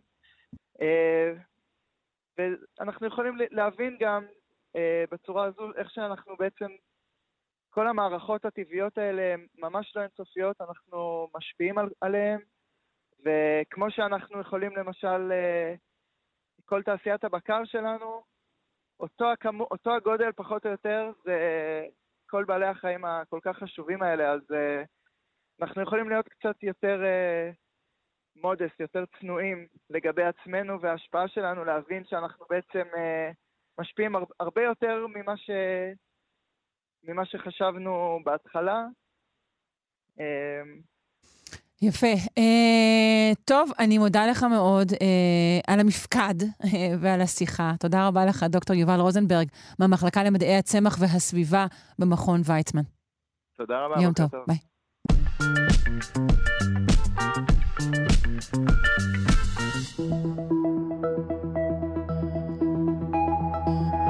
אנחנו רוצים אה, לפנות לאיש הסילון. אה, אה, אנחנו, מחקר חדש שמקרב אותנו להבנת אה, אה, התופעה, להבנת ההתנהגות של סילונים בחלל, מהם התהליכים הפיזיקליים שמייצרים אותם. אה, נפנה לפרופסור אסף פאר, הוא ראש החוג לאסטרופיזיקה באוניברסיטת בר אילן. שלום, בוקר טוב. שלום, בוקר טוב לך, שרון. מה הם סילונים בכלל? מה הם סילונים בכלל? בכלל. בכלל. סילונים זה התפרצות של אה, חומר שנע מהר יותר ככה שהוא לא מושפע מכוח הכבידה. מה זה לא מושפע? הוא, הוא, המהירות שלו היא מעבר למהירות הבריחה אה, שנדרשת מהגוף שמייצר אותו. כלומר, יש פה בעצם סילון במובן האינטואיטיבי שלו, של חומר, של גז, שפשוט מועף החוצה מאיזשהו אובייקט, כוכב או איזשהו מרכז גלקסיה, במהירות שהיא מאוד מאוד גבוהה, ככה שהחומר לא יכול לחזור uh, פנימה. המהירות שלו היא גבוהה מספיק בשביל שהוא ימשיך לנוע um, בעצם לאינסוף, למרות שכמובן הוא לאט לאט נעצר. אוקיי, okay. ולמה הם, הם, הם זזים כל כך מהר? או, oh, זאת שאלת מיליון הדולר. אה, אוקיי. אנחנו לא באמת מבינים עד הסוף את המנגנונים שגורמים להיווצרות שלהם. יש שם שילוב של um, שדות מגנטיים חזקים, של אה, כוחות אה, כבידה גדולים, אה, אולי של איזשהו גלי הלם. יש כל מיני דברים שיכולים ליצור את הסילונים האלה. אנחנו לא מבינים עד הסוף את המכניזם שמייצר אותם. אוקיי, okay. ומה גיליתם כעת במחקר הזה? או. אז סילונים, קודם כל להסביר לכולם, סילונים זו תופעה שידועה למדע, ידועה לאסטרונומים במשך הרבה מאוד שנים, אין פה שום דבר חדש. אה, וסילונים מאוד מאוד מהירים, כלומר, אה, מה שנקרא יחסותיים, כלומר נעים במהירות שהיא קרובה מאוד למהירות האור, זה גם משהו שהוא 아, אה, קיים. כלומר, היחס... היחסותיים הם המהירים מאוד, אוקיי? שם מעט מתעתע, בסדר. כן, כשאומרים יחסותי, הכוונה היא סילון שנע במהירות שהיא קרובה מאוד למהירות האור. אוקיי. משהו כמו 0.999 ממהירות האור או משהו בסגנון. אוקיי, ואיך זה, זה קשור לקרני גמא? אז תופעה שאנחנו מכירים אותה מאז שנות ה-90, אה, היא התגלתה בתור התפרצות של קרני גמא. הסילונים האלה, מן הסתם, בגלל שהם מאוד מאוד אה, חסותיים, הם אה, מאוד מאוד בהירים. ולכן זה מאפשר לראות אותם למרחקים מאוד מאוד ארוכים, הם מאוד מאוד גדולים. Mm. כלומר, למעשה חלק לא מבוטל מהכוכבים שמסיימים את חייהם, הם מסיימים את חייהם בצורת פיצוץ. לא כולם, אבל חלק לא מבוטל מהם. למשל, כוכבים מסוימים יסיימו את חייהם בצורה של סופרנובה, שזה פיצוץ מאוד בהיר. כן. בגלל שהפיצוץ הוא מאוד מהיר, אנחנו יכולים לראות אותו למרחק מאוד ארוך, מן הסתם, הרבה יותר, אה, מרחק מאוד גדול, סליחה. מן הסתם מרחק הרבה יותר גדול מאשר אה, כוכב שלא מתפוצץ. פשוט כי יותר בהיר. אוקיי. Okay. אה, אותם פרצים של קרני גמא, זו תופעה שמוכרת מאז שנות ה-90. אנחנו רואים אותה בצורה של פליטה של קרני גמא, שאלה קרניים שהן יותר אנרגטיות מקרני X, או קרני רנטגן, שאנחנו מכירים אותם ממכשור רפואי למשל. אה, בגלל שהם כל כך בהירים, אנחנו יכולים לראות אותם למרחקים מאוד מאוד אה, רחוקים. למעשה, עד לפני, עד, עד ששלחו את טלסקופ החלל האחרון, הג'יימס ווב, פרצים של קרני גמא נמנו על העצמים הרחוקים ביותר שנראו לעין האדם. Mm-hmm. עכשיו, יש כל מיני דרכים איך להסיק את המהירות של הסילונים האלה, ומכל מיני שיטות אנשים הסיקו שהסילונים האלה חייבים להיות מאוד מאוד מהירים, הרבה יותר מהירים מסילונים אה, אחרים שאנחנו רואים שהתגלו בכל מיני תופעות אה, אסטרונומיות אחרות. למשל, סילונים שקורים כשכוכבים בינאריים מתנגשים. כן. אה, אז זו תופעה שהייתה ידועה, מוכרת ונחקרה לעומק ב-20 שנה האחרונות. אוקיי. עכשיו, אה, אז פה אין שום דבר חדש. כן. מה שכן... אבל זה... אז, מגיע אתה. כן. לא, התופעה הזאת קיימת כבר הרבה שנים והרבה מאוד אנשים חוקרים אותה. אני ביניהם. ומה ש... מה ש... עכשיו, לפני 18 שנה שיגרו לוויין חדש. יש... בזמנו היה חדש. עכשיו, בשמיים יש הרבה מאוד לוויינים שנועדו לצרכים מדעיים, שרוב האנשים לא שמעו על קיומם, אבל הם מאוד מאוד חשובים ונותנים לנו הרבה מאוד אינפורמציה. והלוויין הזה אה, עקב אחרי אה, הסיגנל שאנחנו רואים, אותם אה, פרצים של קרני גמא, לאורך זמן. ומה שאנחנו ציפינו היה שאחרי שאותו סילון יחסותי נוצר, כאמור, אנחנו לא באמת מבינים עד הסוף איך הוא נוצר, ואנחנו יודעים שהוא שם, הוא מתנגש עם התווך הבין כוכבי. עכשיו, התווך הבין כוכבי, החלל הוא כמעט ריק, יש שם כמעט ואקום, אבל בכל זאת יש שם איזה שהם קצת חומר. ובאופן טבעי, הקצת חומר הזה, ברגע שהסילון מתנגש איתו, הוא פשוט אוסף את הקצת חומר הזה, ובהדרגה הוא מאית. וזה גם המתמטיקה, בשביל זה נכתבה כבר בשנות ה-70, אנחנו יודעים איך זה אמור להתנהג.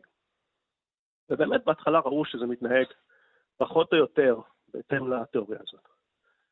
עד שלפני 18 שנה אותו לוויין ששיגרו, הסתכל וראה שבחלק לא מבוטל מהמקרים, הסילונים לא מתנהגים כמו שאנחנו מצפים שהם יתנהגו, או כמו שהתיאוריה הבסיסית ציפתה שהם יתנהגו, אלא על סקלות זמנים של רבע שעה, חצי שעה, שעה, כמה אלפי שניות, mm-hmm. הם, הם פשוט נראים כקבועים, נראים קבועים, ורק לאחרי שעה בערך, או שעתיים אפילו, או שלוש שעות, אז הם מתחילים לדעוך, כפי שאנחנו היינו מצפים שיקרה להם. אוקיי, כלומר הקרינה שלהם נראית לאורך פרק זמן ארוך ממה שהיינו מצפים. אה, לא, הקרינה, הקרינה נראתה כל הזמן. Mm-hmm. ההתנהגות של הקרינה היא שונה ממה שהיינו מצפים. אוקיי. אה, בהתחלה, אולי טיפה לחזור לרקע, לתת את ההיסטוריה, בהתחלה היה לוויין שרק כדאי לגלות אותם. כיוון שהם קורים בשמיים במקומות אקראיים, אנחנו לא יכולים לצפות מראש אה, איפה הם קורים. אה, כיוון שהם שייכים כמעט בוודאות לכוכב שקורס, שמסיים את חייו בפיצוץ מאוד גדול. אנחנו לא יכולים לדעת מראש אה, איפה זה יקרה. אז זה היה לוויין שפשוט סרק את השמיים, הסתכל לכל הכיוונים, עד שהוא ראה משהו. ברגע שהוא ראה משהו, הוא פשוט אה, הודיע לטלסקופים שנמצאים בכדור הארץ, טוב, תראו, ראיתי פה משהו. ואז לקח בערך שעה-שעתיים עד שטלסקופים כיוונו את, אה, את עצמם למיקום הנכון, והסתכלו. כלומר, היה חסר, היה איזשהו רווח של שעה-שעתיים שבו אנחנו לא ידענו באמת מה קורה. אוקיי. Okay. שיערנו שזה מתנהג כמו שאנחנו מצפים שזה יתנהג, כמו שזה נראה אחרי uh, כמה שעות. ואחרי ששיגרו את הלוויין הזה, לפני 18 שנה, בעצם כיסו את הטווח הזה, ומה שהלוויין הזה ראה זה שבערך בחצי מהמקרים, קצת פחות מחצי מהמקרים, uh, הם באמת מתנהגים כמו שאנחנו חשבנו שהם יתנהגו, ובקצת יותר מחצי, בערך 60% מהמקרים, הם לא מתנהגים כמו שחשבנו שהם יתנהגו. הם, אה, הם פשוט לא דועכים על פני זמן די ארוך, של כמה שעות, אה, נגיד בין חצי שעה לשלוש שעות. אוקיי, ומה גיליתם כעת, שכדי שנספיק להגיע לגילוי הזה כן. בטווח השיחה הזו? כן, מה שאנחנו גילינו פה, לא גילינו, זאת הייתה הצעה, מה שאנחנו הצענו, כן. אחרי שהסתכלנו על כל הנתונים, אמרנו, רגע, עכשיו כמובן, רק אוסיף עוד רקע קטן, כמובן שברגע שאנשים הבינו את זה, צצו ועלו הרבה מאוד רעיונות אה, מה זה יכול להיות, ואף אחד מהם לא באמת הסתדר עם הנתונים. עכשיו, אנחנו באנו ואמרנו, אה, שוב, אנחנו הסתכלנו שוב על הנתונים האלה, ניסינו לנתח אותם מזווית קצת אחרת, ופתאום אה, עלה הרעיון שבעצם אפשר להסביר את זה בצורה די פשוטה, אם אנחנו מניחים שהמהירויות של אותם חצי או קצת יותר מחצי שמתנהגים בצורה שונה ממה שחשבנו, הן יותר נמוכות מהמהירויות הגבוהות שאנחנו... אה, זו בעצם הייתה הנח, הנחה מתמטית? ז, ז, זאת, זאת הפרדיגמה ששינית פה? אה, כן, אפשר להגיד. אני פשוט okay. אוקיי. הזזתי מספר אחד. וואו. פשוט הזזנו מספר אחד, ואז הסתכלנו ואמרנו, רגע, אבל אה, אנשים במשך 20 שנה מאמינים שהמהירויות הן מאוד מאוד גבוהות. אז איך זה יכול להיות? אז עברנו על כל הנתונים, והסתבר שבאמת בערך בעשרה אחוז מהמקרים הידועים, יש באמת עדות שהמהירות היא גבוהה, אבל זה רק בעשרה אחוז. שאר ה-90 אחוז אין באמת עדות כזאת. אנשים פשוט הניחו שאם אנחנו רואים את זה בעשרה אחוז, אז בטח זה נכון לכולם. אמ, ואנחנו באנו ואמרנו, אמ, בעצם זה לא נכון. באותם עשרה אחוז, שיש לנו עדויות שהמהירויות הן מאוד מאוד גבוהות, הן באמת מאוד גבוהות. אבל באותם 60 אחוז, אנחנו יכולים להסביר את אותה תופעה שאנחנו רואים בצורה מאוד פשוטה, פשוט על ידי זה שאנחנו מניחים שהמהירות היא עדיין גבוהה, אבל לא כל כך גבוהה כמו שהנחנו קודם.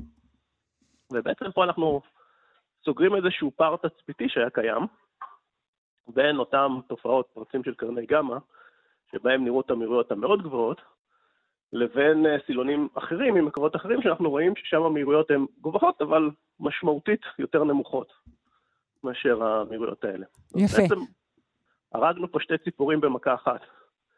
גם uh, הסברנו את התופעה של uh, מה קורה אחרי שעה, שעתיים, שלוש שעות, וגם uh, כיסינו פער תצפיתי שהיה קיים, שלא היה לו הסבר עד עכשיו, לגבי uh, טווח המהירויות של סילונים שאנחנו רואים אותם בטבע.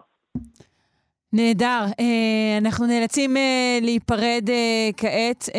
אני מודה לך מאוד, פרופ' אסף פאר, ראש החוג לאסטרופיזיקה באוניברסיטת בר אילן, ונשלח את מאזיננו אולי לקרוא עוד על התהליכים הפיזיקליים האלו שמייצרים סילונים והבנת התופעה הזאת. תודה רבה לך.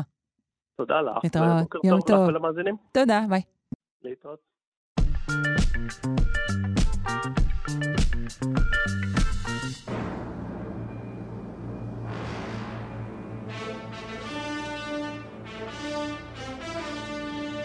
אהה, זוהי פינת התנ"ך של הדוקטור אילן אבקסיס, שדרן ההסכת דברי הימים על המקרא והמזרח הקדום. ההסכת המצוי בכתובת ilanabc.co.il. שלום, בוקר טוב. בוקר טוב למאזינים ולך, שרון, מה שלומך? אני בסדר. טוב, אני קודם כל רוצה לומר, בהמשך לפינה הקודמת, שהיא הייתה מרתקת. אני חייב לומר, ישבתי מוקסם והאזנתי ברוב קשב. איזה כיף. כן, ו- ונחזור אלינו, אני רוצה לומר גם שגשמי הברכה לא מפסיקים לרדת עלינו. ואילו היינו בימי התנ"ך, היינו מודים uh, לבעל שהוא אל הגשם, ואנחנו לא, אז בואי נחזור לפ... לנושא שלנו היום, זה ירובעם הראשון. ירובעם. זה שאמרתי ירובעם הראשון, מפה ניתן להבין שהיה גם השני. שגם הוא מלך שבאמת מעניין שגם לא נקדיש פינה. עכשיו הוא אמנם ירובעם הראשון, אבל לצורך הנוחות נכנה אותו בפינה רק בשם ירובעם. עכשיו, אם אני אומר לך... זה הירובעם הידוע, אבל כן? כן, ירובעם הגדול, כן, הוא שהתנ"ך פחות אוהב.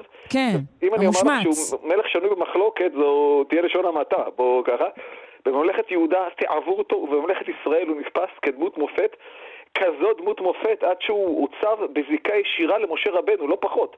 כלומר, מבחינה ספרותית הכוונה.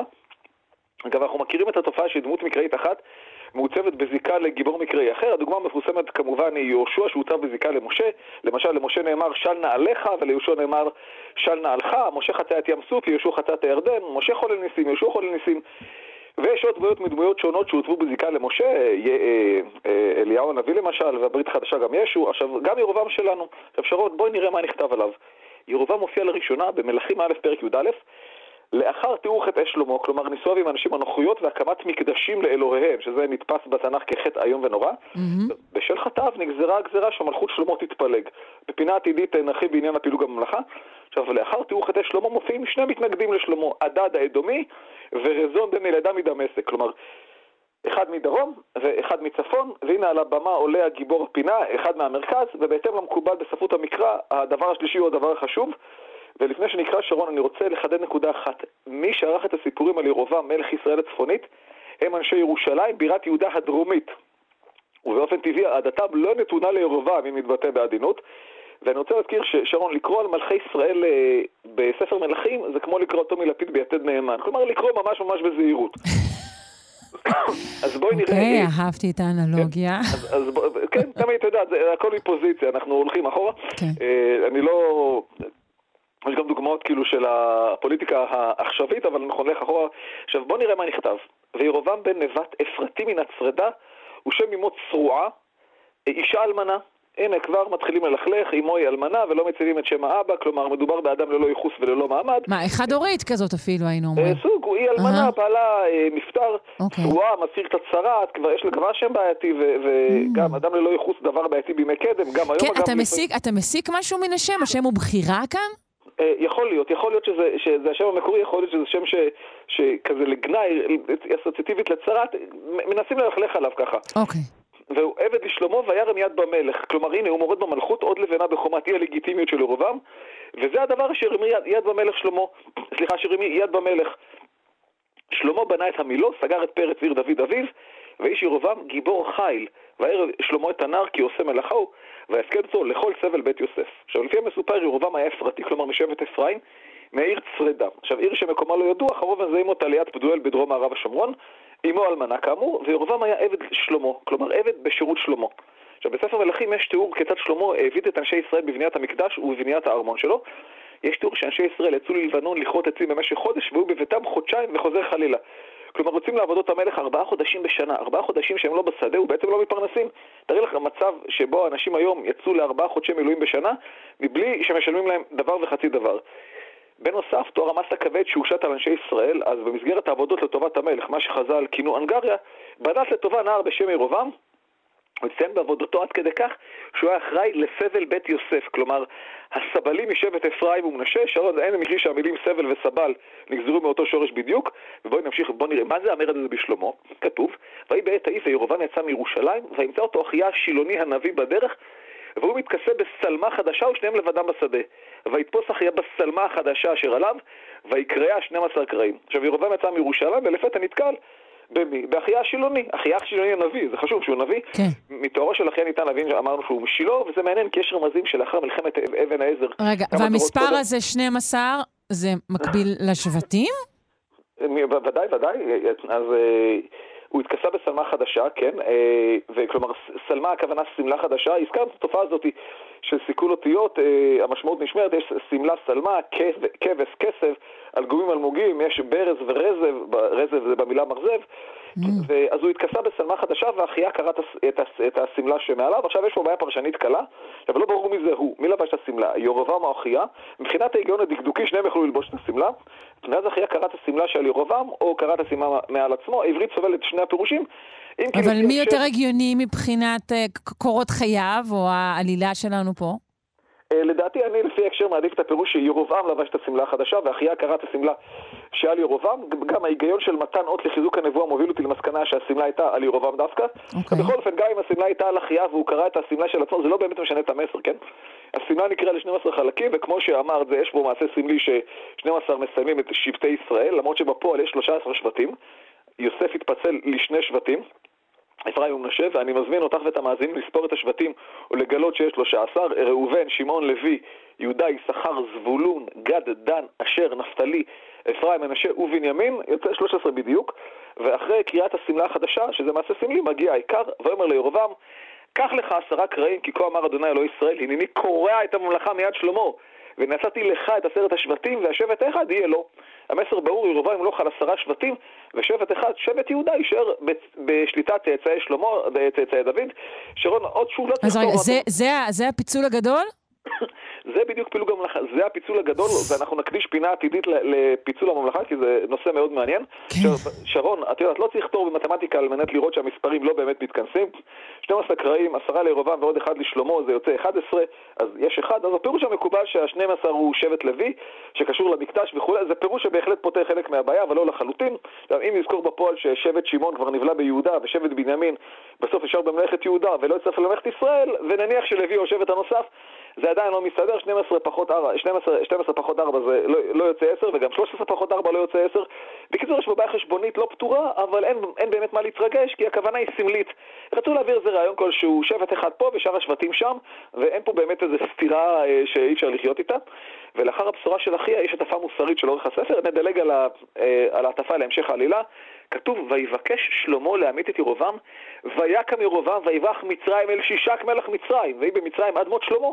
עכשיו, למרות שהפגישה הייתה בשדה כשהם לבד, הרי ברור שמישהו סיפר למישהו שסיפר למישהו, אנחנו רואים פה ששירותי הביטחון של שלמה כלומר, מישהו סיפר לשלמה, תשמע, מה קרה עם אחיה? הוא אמר לירובעם כך וכך? אוקיי. כן, כשירותי הביטחון של שלמה הוכיחו באמת יעילות מרשימה, והביאו את המודיעין הזה לשלמה, ושלמה רצה להרוג את ירובעם בתור מורד במלכות, זו זכותו של המלך. ירובעם לא חשב פעמיים ועשה ויברח אל שישק מלך מצרים. הרבה פעמים כאילו אנשים בארץ ישראל בימי קדם, כשיש קצת לחץ, בורחים למצרים. כן, יורדים המדינה... למקסיקו, בטח. ממש ככה, ושישק הזה הוא שושנקה הראשון מייסד השושלת הלובית, אה, זכו לנו במסע שישק. עכשיו, כמה פרקים קודם לכן אה, סופר על יחסים מצוינים בין ישראל למצרים, יחסים כאלה טובים עד שבת פרעה ניסה לשלמה. אז מפה עולה בינתיים, עלה מלך אשר לא ידע את שלמה, מי שזה לא יהיה. והנה משפט הסיום, שרון. אני בתמימותי כי רבה חשבתי שפינה אחת תספיק לירובעם, אה, אבל היא לא מספיקה. אז המשך עלילות ירובעם בפינה הבאה. יופי, נשמח מאוד. אה, אני מודה לך, דוקטור אילן אבקסיס, שדרן ההסכת דברי הימים על המקרא והמזרח הקדום. יום טוב. תודה לך ולמאזינים.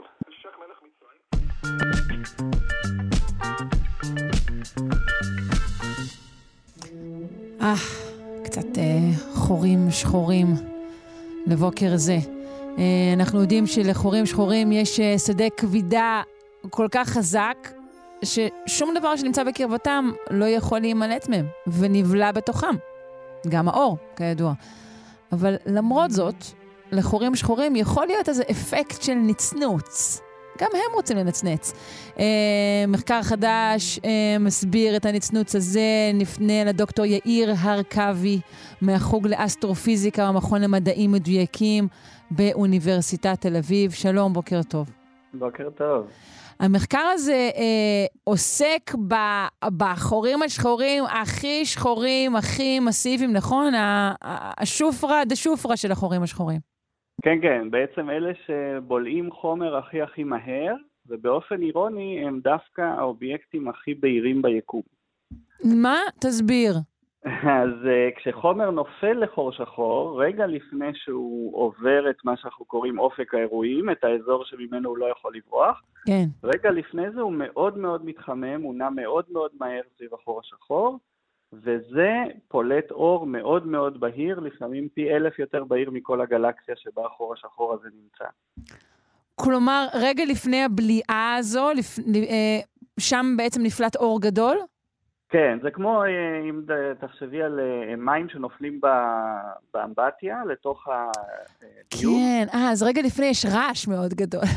אז זה קש... האמת שזה דומה, זו תופעה דומה, אז הם, הם לא נופלים, הם לא ישר זורמים לתוך הפתח של הניקוז, אלא הם מסתובבים סביבו אמ, לפני שהם נופלים פנימה, ובדיוק אותו דבר, מאותה סיבה פיזיקלית אגב, שנקראת שימור תנע זוויתי, אותו דבר קורה לחומר סביב חור שחור, הוא לא נופל ישר אליו, אלא הוא מסתובב סביבו, רק שבניגוד לאמבטיה, אצל חור שחור החומר מגיע למהירויות של כמעט קרובות למהירות האור, בסיבוב שלו סביב החור השחור, וזה מחמם אותו מאוד. וגורם לו להעיר מאוד מאוד חזק. וואו. אה, אז אמרנו שאנחנו מדברים על החורים השחורים האלה שהם, שהם סופר סופר מסיביים. הם נכון. יושבים במרכזי הגלקסיות. נכון, במרכז כל גלקסיה גדולה, כולל שלנו אגב, שביל החלב, יושב חור שחור שיכול להיות לו מסה, אצלנו זה 4 מיליון פעמים מסת השמש, בגלקסיות אחרות זה מגיע למיליארדי שמשות. ולא לגמרי ברור לנו איך המפלצות האלה נוצרות ואיך הן גדלות לכאלה מסות אה, מטורפות. לא ברור לנו, אבל... אה, כן, לא לגמרי, ועוד תעלומה זה שאפילו רואים את זה קורה ביקום המוקדם, כלומר, אה, זה קורה איכשהו מאוד מהר כשגלקסיות מתחילות להיווצר. אוקיי, אבל מה עם ההשערות לגבי הגדילה שלהם? אז יש שתי דרכים בגדול שחור שחור יכול לגדול, אחד זה עם יש איזה שהם כוכבים אה, חסרי מזל שנכנסו למסלול שמקרב אותם מאוד לחור השחור, והם נקראים על ידי החור השחור ונבלעים, ככה שהוא בולע כוכבים, אמ, או שיש איזשהו גז אה, סביב החור השחור, איזושהי כמות של גז, שפשוט באופן לפעמים יציב, לפעמים לא יציב, אבל לאורך זמן מאכילה את החור השחור הזה כמויות גדולות של גז. תן לנו קצת אה, מושגים, נגיד אה, מסה כמו כדור הארץ, באיזה קצב כזה חור שחור פלצת, אה, באיזה קצב הוא אוכל דבר כזה? אז, אז יש באמת קצבים שונים, יש כאלה האמת שלא גדלים, לא אוכלים בכלל, ויש כאלה שממש זוללים בקצב מטורף, אז אני חושב שאחד משוברי השיאים היה חור שחור שאוכל כדור ארץ בשנייה. כדור ארץ בשנייה? כן. וואו. כן. כן. אוי, כמה אנחנו קטנים ושבריריים. אז זה אה, באמת המקרים הקיצוניים. אוקיי. אה, בואו נגיע אה, למחקר החדש. באיזה טלסקופ השתמשתם? אז קודם כל, אני לא מעורב במחקר החדש. כן, נכון. המחקר החדש, המטרה של המחקר החדש היה להבין, כי אוקיי, אנחנו יודעים שזה אמור לפלוט אור, אבל אחת התעלומות היא שהאור הזה הוא לא קבוע, הוא עולה ויורד, הוא מנצנץ. אפשר להגיד, לפעמים uh-huh. קצת יותר אור, לפעמים קצת פחות, וזה נראה די רנדומלי, ולא ממש מבינים למה. אז פה לקחו טלסקופ שהמטרה שלו בכלל הייתה אחרת, המטרה שלו היא לנסות לזהות אסטרואידים מסוכנים שבדרכם לכדור הארץ, אה, טלסקופ שנמצא בהוואי, אה, אבל כדי לעשות את זה הוא בעצם מצלם את כל השמיים כמה פעמים כל לילה, מחפש אסטרואידים. אמ, אבל ברקע של כל התמונות האלה שמחפשים אסטרואידים, יש את אותם חורים שחורים סופר מסיביים, במרחקים הרבה יותר רחוקים, כן? אבל הם עושים photobomb לתמונה מאחורה, ואפשר להשתמש בכל התמונות האלה כדי לחקור גם את החורים השחורים שנמצאים ברקע של האסטרואידים שמחפשים. אה, אוקיי. אה, כן, אז הם לקחו 5,000 חורים שחורים מכמה שנים טובות של תצפיות, וראו את, מדדו את הנצנוצים שלהם לאורך זמן, אמ, וראו שבעצם לחורים השחורים היותר, אה, שיש להם, אה, זה נקרא דיסקאות שיחה, הדיסקאות האלה שנוצרות כמו המים מסביב לניקוז. דיסקאות, לפני... אה, מה? ספיחה. ספיחה, אוקיי. ספיחה, כן, חומר שנספח לחור השחור, mm-hmm. לפני שהוא נופל פנימה הוא, הוא מסתדר במין דיסקה כזאת, כמו המים כן. בניקוז. והם מצאו שהדיסקאות האלה, אלה שהן יותר בהירות, כלומר הן דיסקאות יותר גדולות, מנצנצות לאט יותר, ואלה שיותר חיוורות מנצנצות uh, מהר יותר. למה בעצם? אז זה בעצם נחזה על ידי תיאוריה ש, שחשבה על סיבה לנצנוצים האלה. והתיאוריה הזאת היא תיאוריה מאוד מורכבת שקשורה לשדות מגנטיים וטורבולנציה בדיסקאות האלה. אבל אחת התחזיות שלה היה בדיוק זה שדיסקאות גדולות יותר, הטורבולנציה תקרה בצורה כזאת שהם ינצנצו לאט יותר, לעומת דיסקאות קטנות יותר, וזה בדיוק מה שמצאו פה בתצפיות. עשו בעצם ניתוח סטטיסטי על כמות גדולה של חורים שחורים שאף פעם לא נותחה ככה, ופתאום התמונה הזאת התבהרה מאוד. אוקיי, okay, כלומר הייתה פה הנחה אה, ראשונית, איזושהי תיאוריה, ואז זה נבדק וזה אכן היה נכון. אה, לגבי... כן, כן, אוקיי. זה, זה מתאים לתיאוריה, אז אולי אנחנו קצת מבינים עכשיו יותר טיפה את הפיזיקה של מה קורה לחומר שמסתובב סביב חור שחור במהירויות מאוד גבוהות, ויש שם טיפה שדות מגנטיים, וזה מסבך מאוד מאוד את הבעיה, אבל נראה שזה באמת מה שקורה בטבע. האם המחקר הזה אה, צפוי אה, לשפר את, ה, את המדידות שלנו, אה, של חורים שחורים, להבין עליהם יותר? כן, אז האמת היא שאם אנחנו יודעים להגיד, אוקיי, מה הסיבה לנצנוצים, אז כל הבדל בין מה שאנחנו חושבים שאמור להיות למה שרואים בפועל, צריך משהו נוסף להסביר אותו, וזה יכול להיות למשל קצב הסיבוב של החור השחור, שזה משהו שמאוד קשה לנו למדוד, או זווית הראייה שלנו לחור השחור. אה, לדיסקה הזאת, וזה מאוד יעזור לנו להבין עוד יותר מהפיזיקה של מה שקורה שם, כולל כוכבים. רגע, מה זאת אומרת זווית הראייה שלנו, הזווית שממנה אנחנו רואים את החור השחור? כן, אז אם זה בעצם דיסקה בחלל, אז את יכולה לראות אותה או מהקצה בצד הצר שלה, או שאת רואה אותה ממש כאילו את כולה מולך, כאילו את כל העיגול mm, מולך, כן. או כל זווית ביניים, וזה מאוד ישפיע על איך היא נראית ועל איך תופעות אחרות סביב החור השחור נראות. אז אם נדע מה זווית הראייה, כי אנחנו לא רואים את הדיסקה ממש, כל הדברים האלה כל כך רחוקים, אנחנו רואים נקודה. מזה אנחנו לא יכולים לדעת אם אנחנו מסתכלים על זה מהקצה או, או מלמעלה, אבל אם אנחנו נדע למדוד בדיוק את הנצנוצים וזה יתאים לנו לתיאוריה הזאת, אז נדע להגיד מה זווית הראייה, ואז גם להסביר עוד כל מיני תופעות שאנחנו רואים סביב החור השחור. אה, הבנתי. הנצנוץ מעיד אה, על, על הזווית ואולי על הטעות המסוימת שצריך לתקן פה. בדיוק, בדיוק. הבנתי. טוב, אה, חורים שחורים, לא שחורים כמו שחשבנו. אכן. דוקטור יאיר ארכבי מהחוג לאסטרופיזיקה, המכון למדעים מדויקים באוניברסיטת תל אביב, אני מודה לך מאוד על השיחה הזו. בוקר טוב. בוקר טוב, תודה רבה.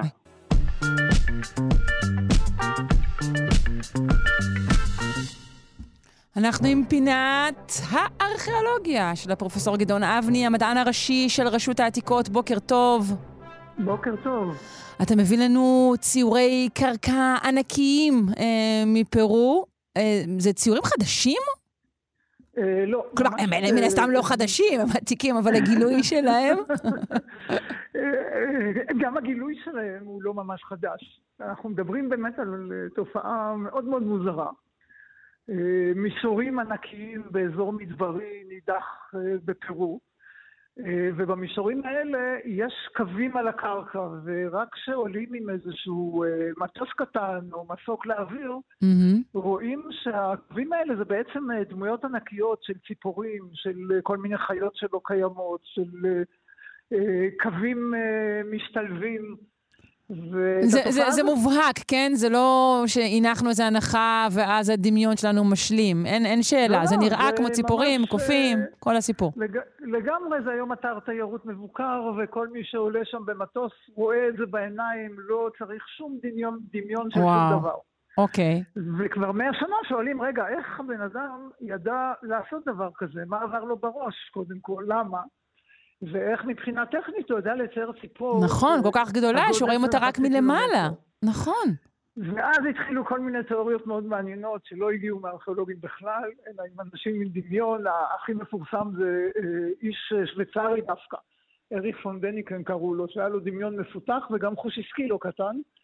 והוא הוציא אה, ספרים שטענו שאלה בעצם ציורים שנעשו על ידי אורחים מהחלל החיצון, Mm, אה, מרכבות האלים הוא קרא לספרים שלו. כן, הרבה אה, וואו, זה היה עניין. פופולרי למדי. אה, בדיוק. טוב, יש פה איזה... שאפשר להבין את ההיגיון. כי באמת, אתה לא יכול להבין איך זה נעשה. זה מישהו שהיה אה, צריך להסתכל. על זה מלמעלה. אלא אם כן, היו רחפנים כבר אז, שאנחנו לא יודעים עליהם. אז זה עדיין לא גילינו את הרחפנים של אה, לפני אלפיים שנה, זה התאריך של הציורים הגדולים האלה, מהמם. וכנראה שגם לא נגלה אותם. אה, אבל כן, אה, מאז דווקא הספרים האלה עוררו יותר את המחקר וגם את ההתעניינות של הארכיאולוגים ושל הציבור, והיום בעצם יודעים, קודם כל יודעים להסביר איך זה נעשה מבחינת הטכניקה.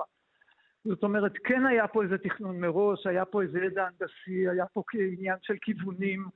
אה, אפשר אה, מהרים רחוקים כן אה, לראות את הדברים האלה מלמעלה. וזה גם בטח נעשה בגריד. מחלקים את השטח לריבועים קטנים, ופחות או יותר מתרגמים את זה. זה כן היום, אפשרי. היום גם אנחנו יודעים לשחזר אפילו את השיטה, אבל את השאלה מה עבר להם בראש, מה פתאום צריך לצייר אה, מין ציפור, ציפורים מיתולוגיות כאלה על הקרקע, אז כמובן זה לוקח אותנו לעולמות של הדת ושל הרוח, ומתברר שיש מאות כאלה. לא אה, אה, בודדים, ובאמת בסקרים חדשים שנעשו שם מצאו את הציורים האלה מכל מיני סוגים.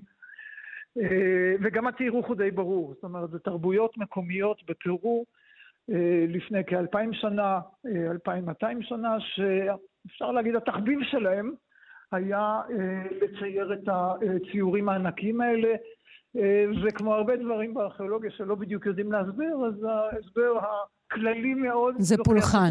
לפולחן, בדיוק. אוקיי. אבל אני רואה הסבר מאוד. מסקרן, שקשור, שאולי בכלל זה, זה אה, אה, קשור ל- למיפוי של, של מקורות מים?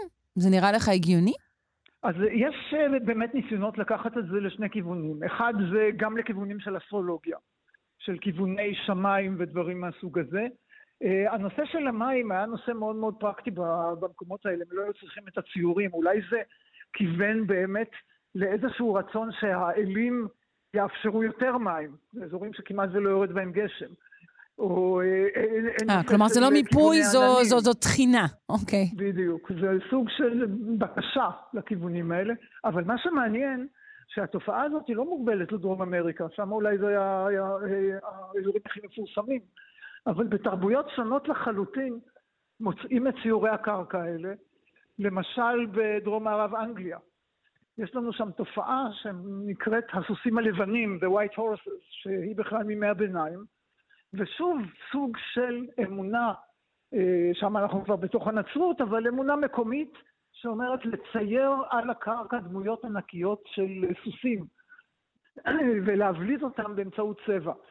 אה, מי שמטייל היום באזורים האלה באנגליה, פשוט יראה אותם, על מדרונות של גבעות, סוס ענק, לפעמים באורך 100 מטר, מזכיר את צורת המחשבה הזאת של ה...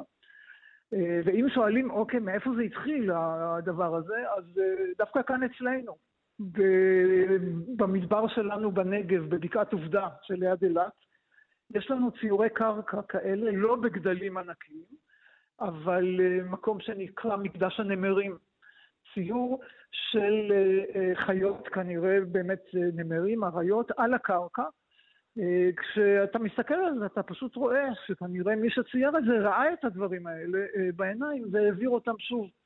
סוג של אה, פולחן, בקשה, פנייה לאלים, פשוט צייר את הדמויות הללו על הקרקע. אבל כל מה שאתה אומר זה, זאת, זאת השערה, נכון? כמובן, אין לנו את הספר שמישהו כן. כתב באותה תקופה ויספר לנו על זה.